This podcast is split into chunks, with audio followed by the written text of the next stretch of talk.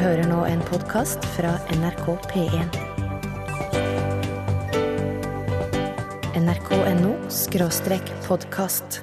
Lyden av rytmeboks er lyden av utakt. Godt humør på mandagskvelden ved Per Øystein Kvindesland og Bjørn Olav Skjæveland.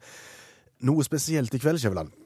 Ja, det er jo den tolvte. Ja. Det er den tolvte i måneden, og, og mange har nok fokus på lønn i dag. Ja, det har du òg. Ja, jeg òg tenkte vi kunne ha fokus på lønn. Eh, Den eneste naturlige i Norge, for eksempel, det er spisslønn. Flere typer lønn i Norge. Altså, ikke sånn eh, naturlig med opphav her, nei, så, så er det bare spisslønn. Eh, Det er jo andre, men mer importert. Altså, skal du til et land som har virkelig mye lønn, så, så skal du til Kina. Der er det vel 80 typer forskjellige lønn, tror jeg. Ja, det er betydelig flere enn én i Norge. Du har ukelønn. Du har lederlønn, Ja. månedslønn, Ja. Mm, finnerlønn, ja. en fattig jomfru satt i lønn. Ja, altså, vet du hva? Nå tenkte jeg vi skulle snakke alvorlig om lønn, og så kommer du dragende med lønn. Ja. Utakt er verdens lønn. nrk.no podkast. Det er greit. Jeg har fått fraværsmelding fra Vigdis via SMS. Utakt et interkommunalt program der vi gjerne tar imot innspill fra hele landet.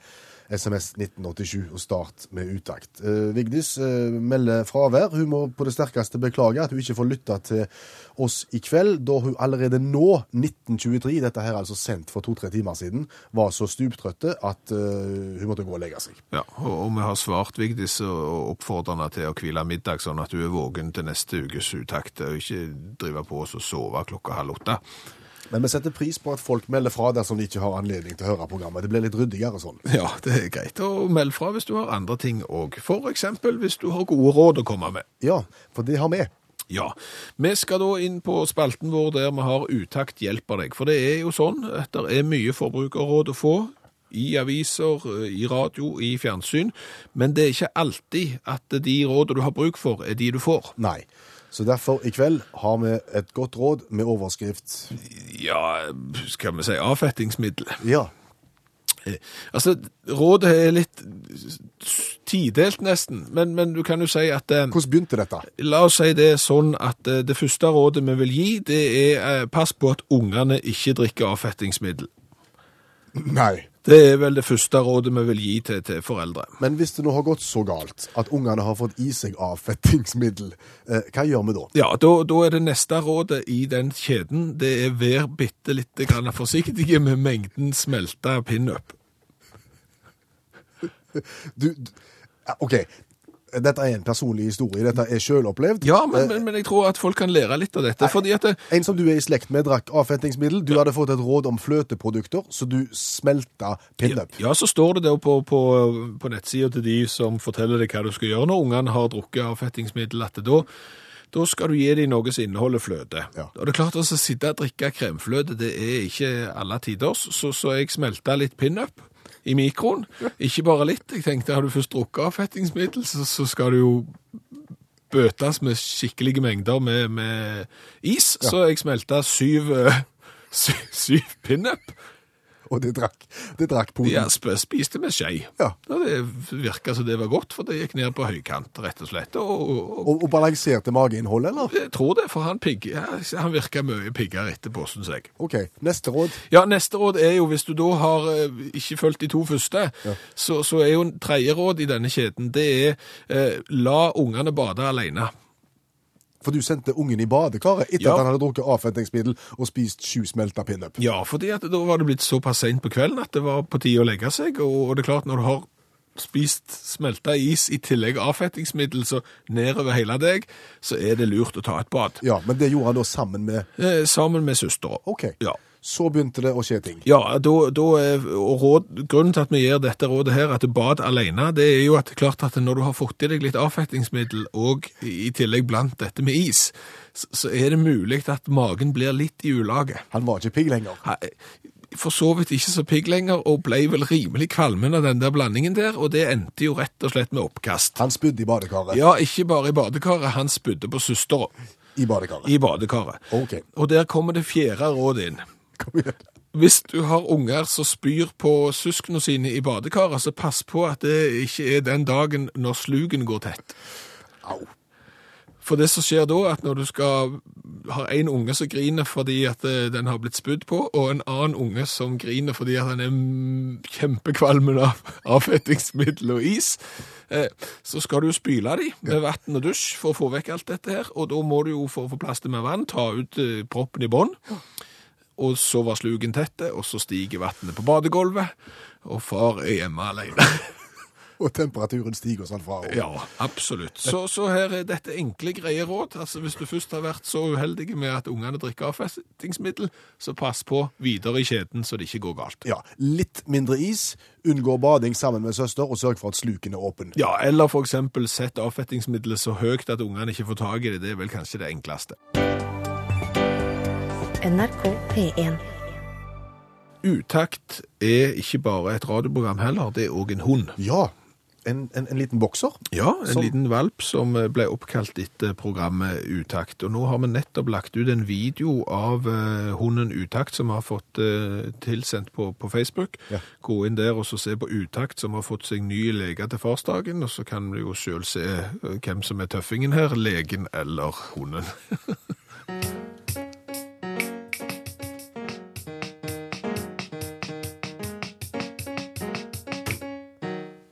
du søker opp Utakt med skråblikk i fokus på Facebook. Vi har da fått ganske mange innspill om tema som det går an å ta opp i programmet. Og et av de beit vi oss merke med nå i kveld, som kommer fra Salve. Han spør hvordan viser en at en beklager en egen handling i trafikken når en kjører bil, uten at han blir tatt fornærmende opp?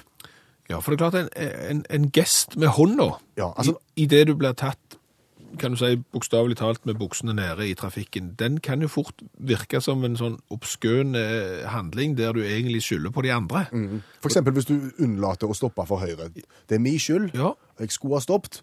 Da prøver å vinke da. Ja, Ja, det kan tas feil opp. rett og slett. Og liksom, hvordan skal du ha håndflatene? Skal du, altså, fingrene altså, det, det er vrient. Egentlig så er det kanskje det beste å løfte begge hendene. Ja, da slipper du rattet. Ja, det er så. Så, så, så dette er jo vrient, altså, for det er kanskje den mest avvæpnende handlingen. Det er liksom, OK, unnskyld, du løfter begge hendene, jeg trekker tilbake alt jeg har sagt og gjort, og i det hele tatt. Men det går jo ikke når du kjører bil. Nei. Kan du bruke mimikken? Kan du bruke smilet? Et avvæpnende smil, hva, hva vil det virke? Det fordrer jo at du er veldig nært Ja. vedkommende som du har vært oppe i det å liksom kunne smile og le av deg. Altså, jeg har vært oppe i samme situasjon som, som Salve her. Jeg gjorde en trafikal blunder eh, av store dimensjoner, og det var helt klart min feil. Jeg la meg langflate. Jeg tok en sånn en, kan du si, en sånn en håndbevegelse som gjerne en sånn nær bruker når de bukker for kongen. Har du sett den? Så rundt og rundt og Så rundt og rundt og rundt, og så bøyde jeg hodet.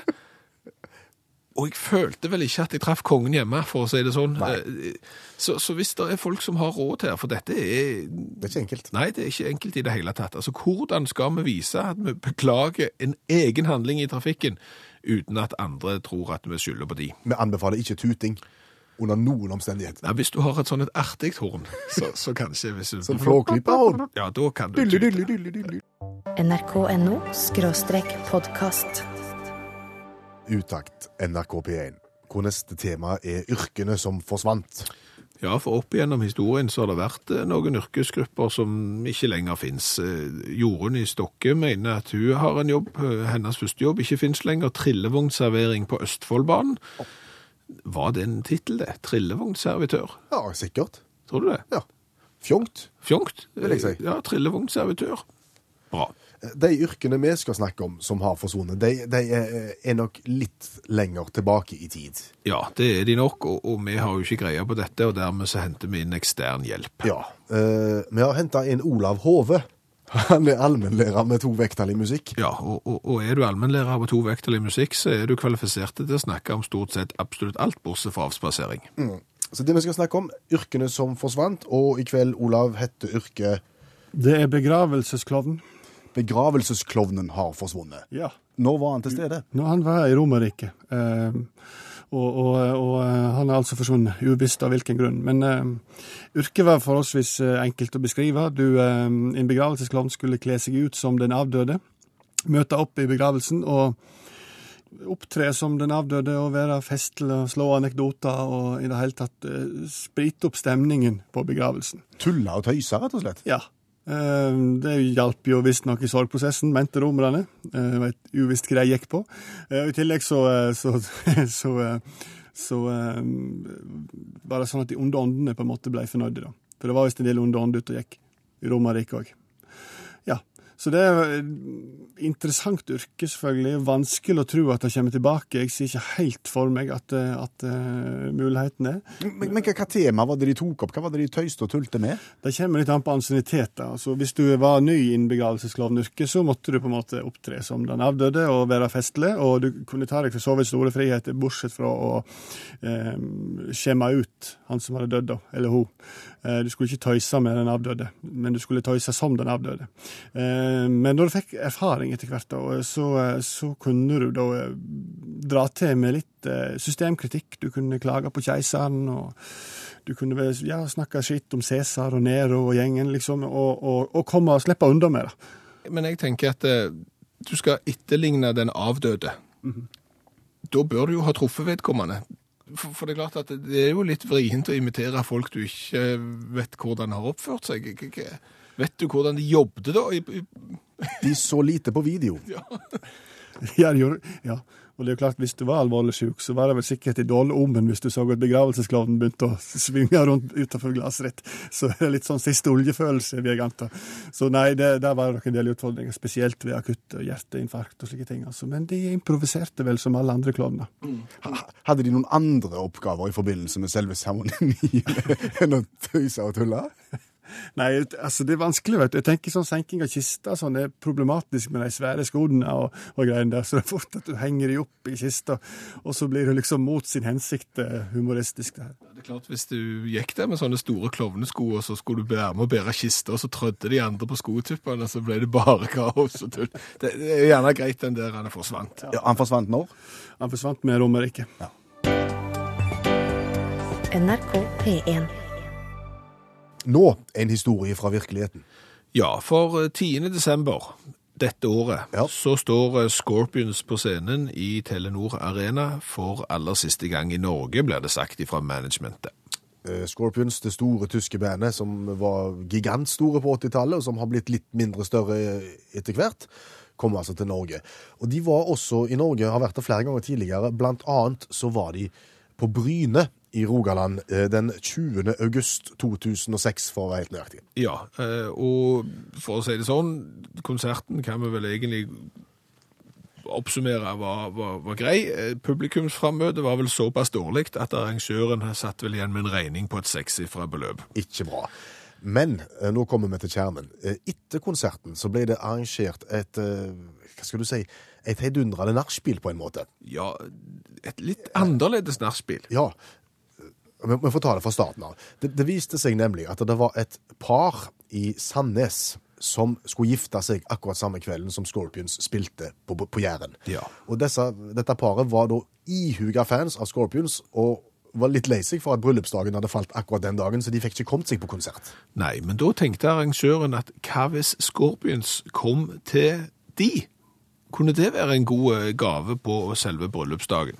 Det var en kjempeidé. Og dette fikk vi nyss i, som, som eh, radiofolk, at dette her kom til å skje, så dette tenkte vi, dette må vi få med oss. Så vi heiv oss litt på hjul når kortesjen forlot uh, stadionområdet, retning dette, denne bryllupsfesten. Ja, og på jul er vel stikkordet her, fordi at Scorpions var såpass store på det at de skulle kjøre hver sin limousin-lignende bil. Ikke sammen, nei, hver sin. Ja.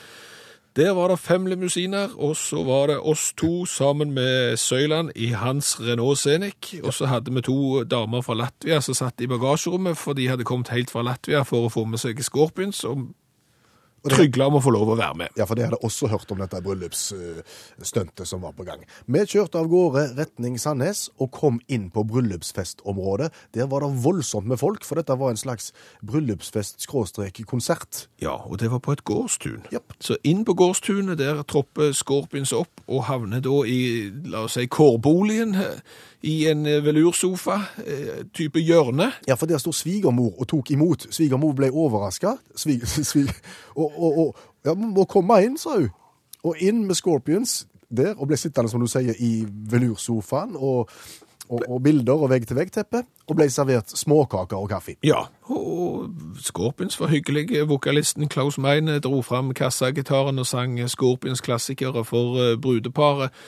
Og så kom kveldens høydepunkt. Da hadde de lyst, kan ikke Scorpions gå opp på scenen, for det hadde jo vært orkester der før, og spille.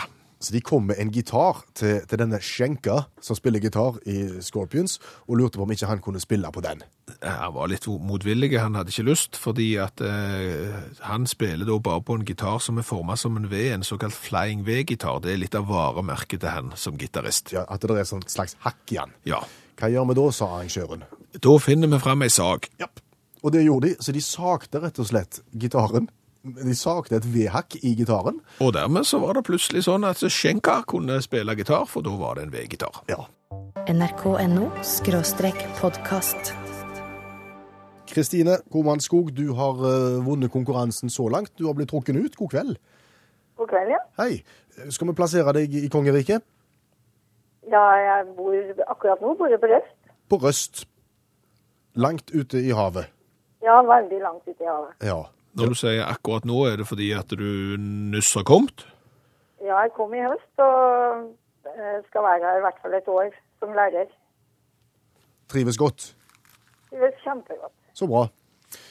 Eh, jeg sa på forhånd her at nå er sikkert vi minst like nervøse som deg, fordi at konseptet er jo sånn at det er du nå som skal velge spørsmålskategorier, og så skal vi finne på spørsmål på direkten. Og så er det sånn som vanligvis at eh, hvis du svarer rett, så får du den.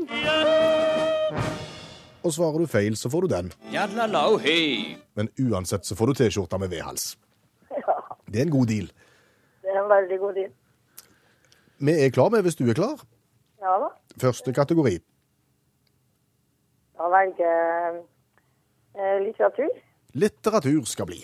Ja, skal vi se. Da skal vi ikke gå på Harry Potter, for der er vi utrolig svake. um, litteratur Ja. Uh,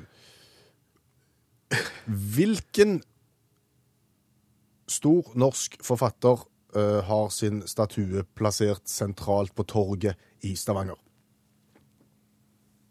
Det må være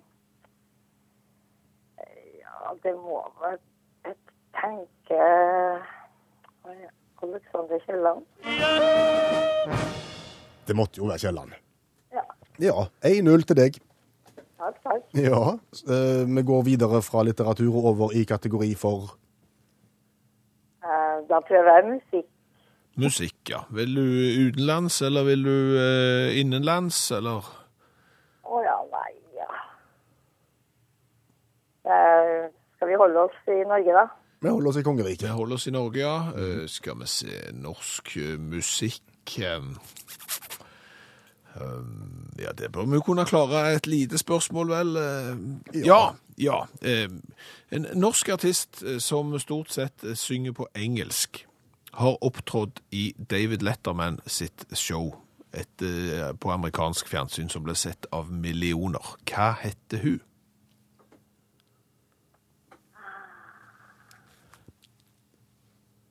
Jeg ser jo ikke på sånn TV, vet du.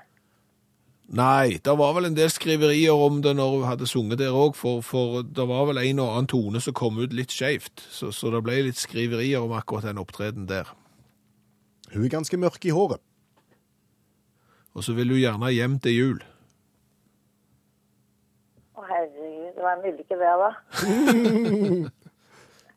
Og hvis hun vil, hvis hun vil hjem til jul på engelsk, hva vil hun da?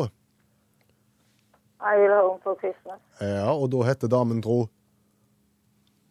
Er hun norsk? Ja. Og så har hun mørkt hår. Jadlalau, hei. Der kom den, vet du, Kristine. Ja, det, det skjønner jeg godt. Ja. Ja. Jen, jenta, som jeg velger å kalle henne, hun heter Maria Mena. Ah, ja. Maria Mena sang hos Letterman og Will Home for Christmas. Én kategori igjen. Vær så god, hva blir det? Oi.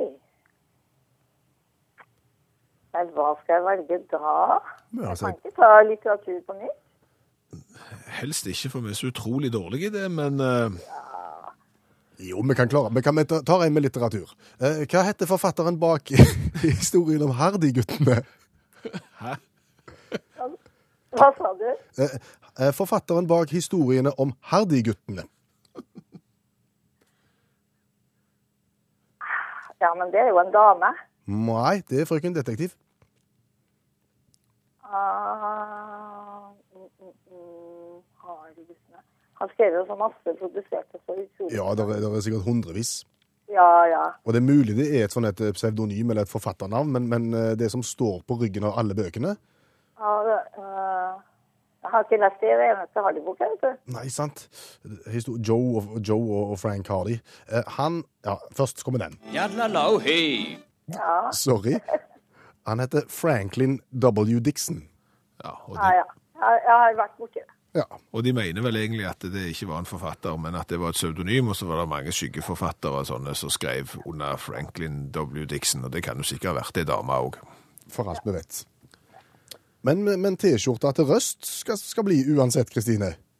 Ja, og så må den være veldig liten. Den skal være veldig liten, og den er sikkert litt kald å bruke nå på Røst i disse dager, men du får spare den til sommeren. Og da, og da gjenstår bare ett spørsmål, og det går til deg, Per Øystein. Hva heter mora til Frank og Joe Hardy? Å, det vet jeg jo. Eh, det, Fenton er faren, og så er det jo tante Gjertrud, og så er mora eh, Å, Det er Laura. det er Laura. Det er Laura. Ja, Verden så mye lære i kveld, da. fantastisk. Ha det godt, Kristine. nrk.no skråstrek podkast. Og neste stikkord er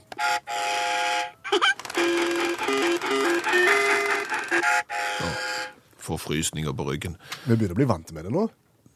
Ja, for nye lyttere og, og som ikke kjenner historien bak denne lyden. Dette er lyden av et Mikke Mus-lokomotiv, og det er støyende, og det har aldri slutta å spille uansett hvor mange unger som har lekt med det, og hvor mange foreldre som uten å ville det har mista det ned ei trapp. Ja. Vi har forsøkt å få det til å slutte å spille, og det har vi gjort nå gjennom sju uker. Det begynte med skyting med luftgevær, gikk videre til sprenging med fyrverkeri. Vi har forsøkt å senke det ned i vann, vi har sluppet det fra høye høyder, og forrige mandag så forsøkte vi en Toyota. Ja, en, eh, nei, ja, det var en Fiat Ducato varebil med noe sånn som 140 hester diesel, som tok rennefart og, og rett og slett skulle prøve å kjøre den der speledåsen i senk. Det hørtes sånn ut. Klar, ferdig, jeg, gass! Nå har han starta toget.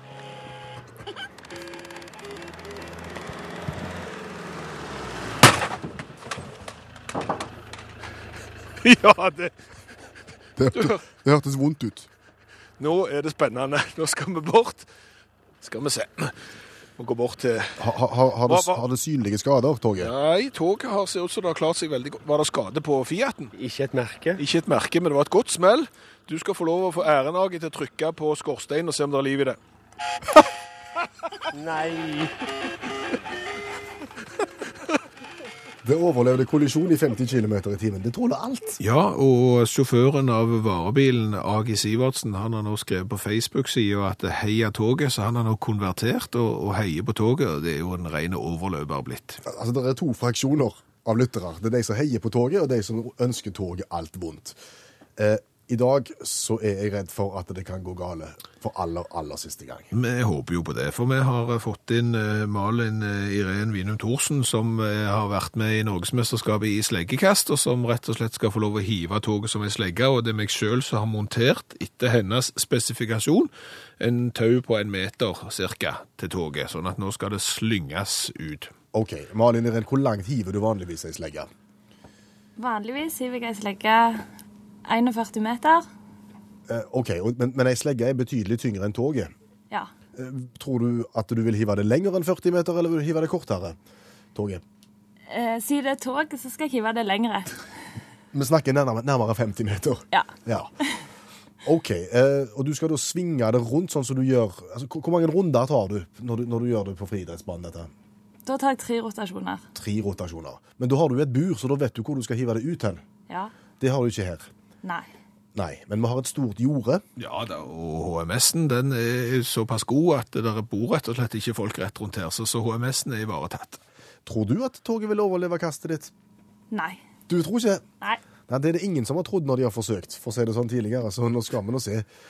Er det noe å legge til før dere går ut og- rigger dere i stand? Nei, det, dette gleder jeg meg til. Vi skal starte, eh, vi skal starte lokomotivet i det Malin begynner å, å snurre, og så skal det få spille sin infernalske sang mens det flyr gjennom lufta, og så får vi håpe at det aldri starter igjen. 50 meter i fritt fall, og så boms i bakken, og så skal vi finne det ut. Gå ut. NRK P1. Og Skjæveland og sleggekaster Malin Irén Winum Thorsen har trukket utendørs med støyende lekelokomotiv. Ja, vi står her ute nå på parkeringsplassen klar til å hive dette her toget som ei slegge. Og du vet det, Malin, at nå har du Du kan risikere å ødelegge det. Da får du en stor armada av togtilhengere på nakken. Og så kan du risikere å ødelegge det og få applaus for alle som syns at det støyer for mye. Du takler det presset der. Jeg takler press. Det er bra. Da starter vi toget, og så hiver du det så langt som du kan. Gang. Og tre rotasjoner skal det være. Én, to, og Skal vi se. Da er vi klar. Og det Å, det flyr langt! Det flyr det spinn langt. Og jeg så hvor det gikk. Nå skal vi gå og det, det, det er litt vanskelig å beskrive sleggekast på radio, kjente jeg. Men nå skal vi ut og så se, og det var langt. Ja, hun, hun hun hiver jo ei slegge på rundt 40 meter. Var dette rundt 50? Ja, altså, det er umulig å si hvor langt det er. Nå går vi med lommelykt og leter etter det her, for det er så mørkt. Men jeg tror jeg så sånn omtrent hvor det gikk. Ok. Eh, skal vi se. Der! Der! Nå er toget Oi, det var langt. Salig at det var langt. Ja! Har det synlige skader? Dette toget har aldri synlige skader. Malin, du skal få lov å trykke på pipa og se om det virker. Ja vel, du lovte.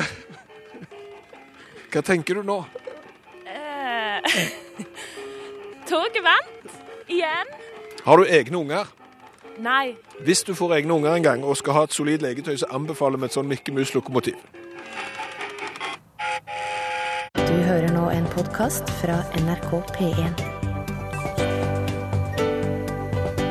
nrk.no podkast. Ja, det, jeg, jeg følte jeg kom litt til kort som sportkommentator, men det for det var vrient å kommentere slegge på radio. Men eh, Malin hun heiv det alvorlig langt, og det fløy i en fin bue og landa med et brag. Og allikevel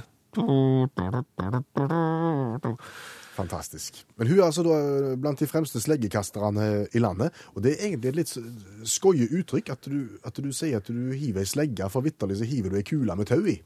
Ja, det er jo ikke mye slegge. Og jeg- tenkte sånn, OK, kanskje opprinnelig så var det gjerne ei slegge, og så etter hvert så ble det nei, la oss heller ta vekk eh, Skaftet. skaftet og få på en tråd heller, og så ta noen runder rundt hodet med den og sånn. Jeg tror det alltid har vært sånn, i hvert fall de dokumentene jeg har funnet, så, så er det, og det er en gammel øvelse òg. Sleggekast har stått på herrene sitt øvelsesprogram i OL siden 1900. Aha. Og da var det ja, jernklump med tau i. Ja.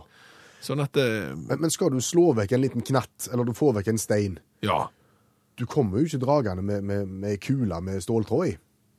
Nei, du gjør ikke det. Nei. Det er gysla vondt å slå i sånn, eh, så, sånn for eksempel hvis du skal ha gjerdestaur, Ja. og så kommer, ja, tar du med slegge, så kommer, kommer du med jernkula med tråd i. Først ikke være han som holder stauren når han andre slår da, tenker jeg. nrk.no skråstrek podkast. Og nå, Skjæveland, eh, er fram og tilbake like langt offshore spesial. Ja, eh, Den var vrien. Den var vrien. Altså, fram og tilbake er like langt. Det er en spalte vi har her i Utakt, der vi prøver å finne ut av om en setning fra ett språk oversatt til et annet via internett og tilbake igjen, havner akkurat likt som utgangspunktet. Og vi hadde da funnet fram en sang som vi skulle teste dette her ut med i kveld. Men så kom jo da nyheten på diverse nettsider rundt omkring i verden, eh, som fikk oss til å tenke på en sang som vi har brukt og gjort dette her mye med før. Ja, for, for boligriggen uh, Flotel Superior eh, ble jo evakuert sist uke av at han fikk slagside, han krenge, og dermed så ble de ombord eh, evakuert. Og inni heisen på denne boligriggen Flotel Superior så, så hang det da en instruks på en litt uforståelig norsk, som nesten kunne virke som om eh, selve sikkerhetsinstruksen var oversatt via internett. På samme måte som vi har gjort. Ja, altså for eksempel eh, punkt fem. Denne heisen er ikke lufttett. Nei. Men det mest interessante er jo da punkt tre. Eh, Når heisen kjører unormalt, eller du, rumpetroll, betjener nødtelefonen og trykker på alarmknappen på heisens panel. Ja, kla- klart og tydelig. Ja. Og, og det var vel ordet rumpetroll som gjorde at vi virkelig fikk smaken på denne kan du si, sikkerhetsinstruksen som, som var om bord på Flotel Superior. For vi har jo vært borti sangen og rumpetroller. og Små rumpetroll. rumpetroll er morsomme å se. Og de har jo blitt alvorlig eh, annerledes når de har vært oversatt. Så dermed så tenkte vi ok, la oss nå teste denne her rumpetroll-sikkerhetssetningen. Ja. Så det vi har gjort nå, vi har tatt hele sikkerhetsoppslaget fra denne heisen om bord på Flotel Superior, og kjørte i et oversettelsesprogram til språket, Telugu.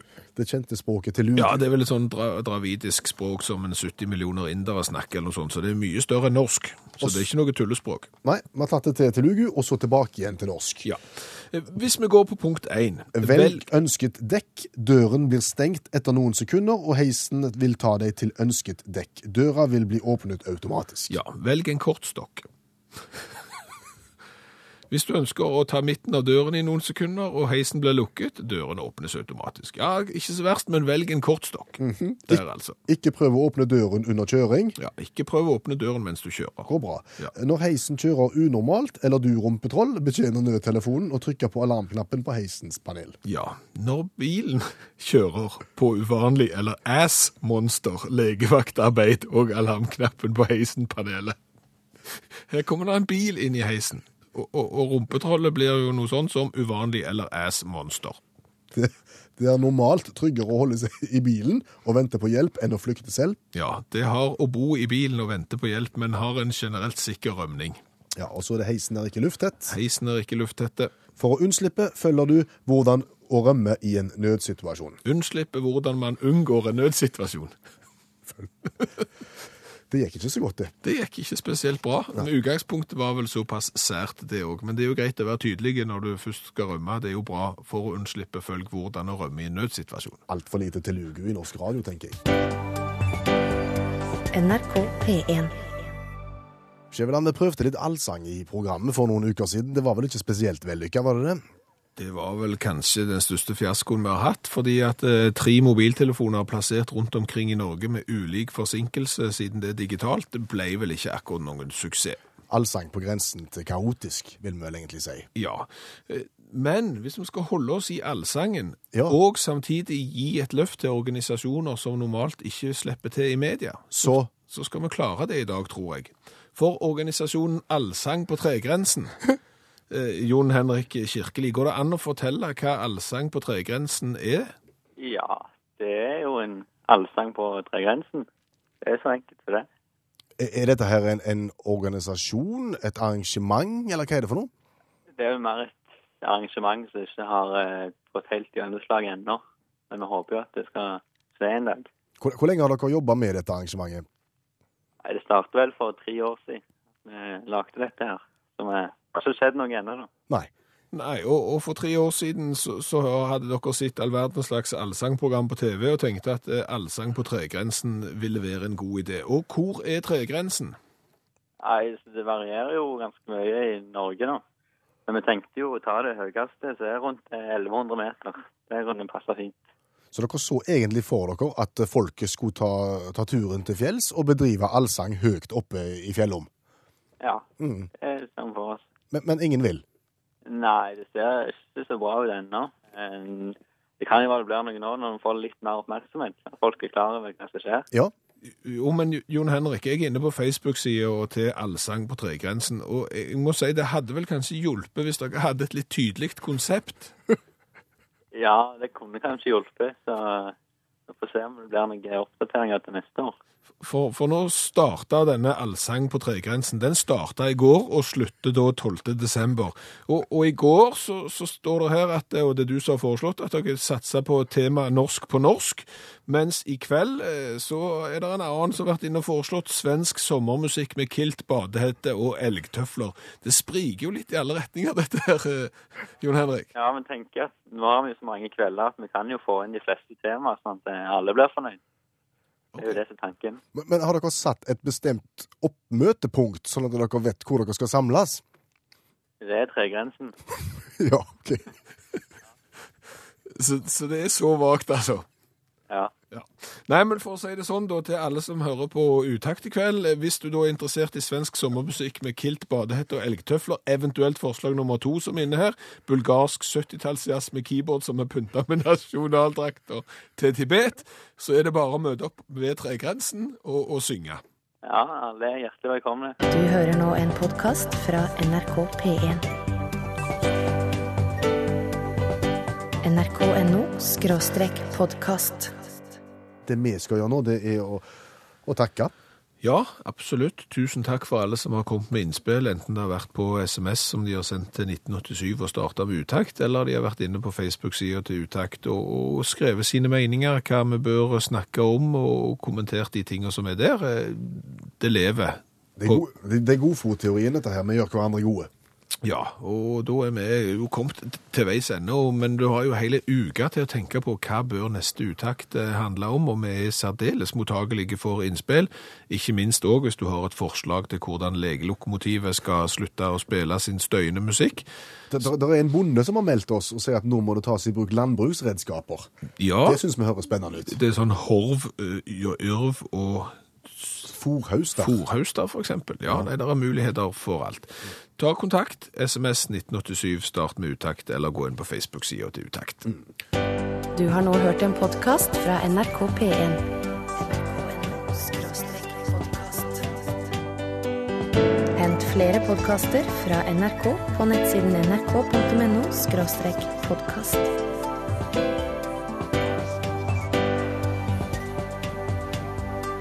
NRK P1.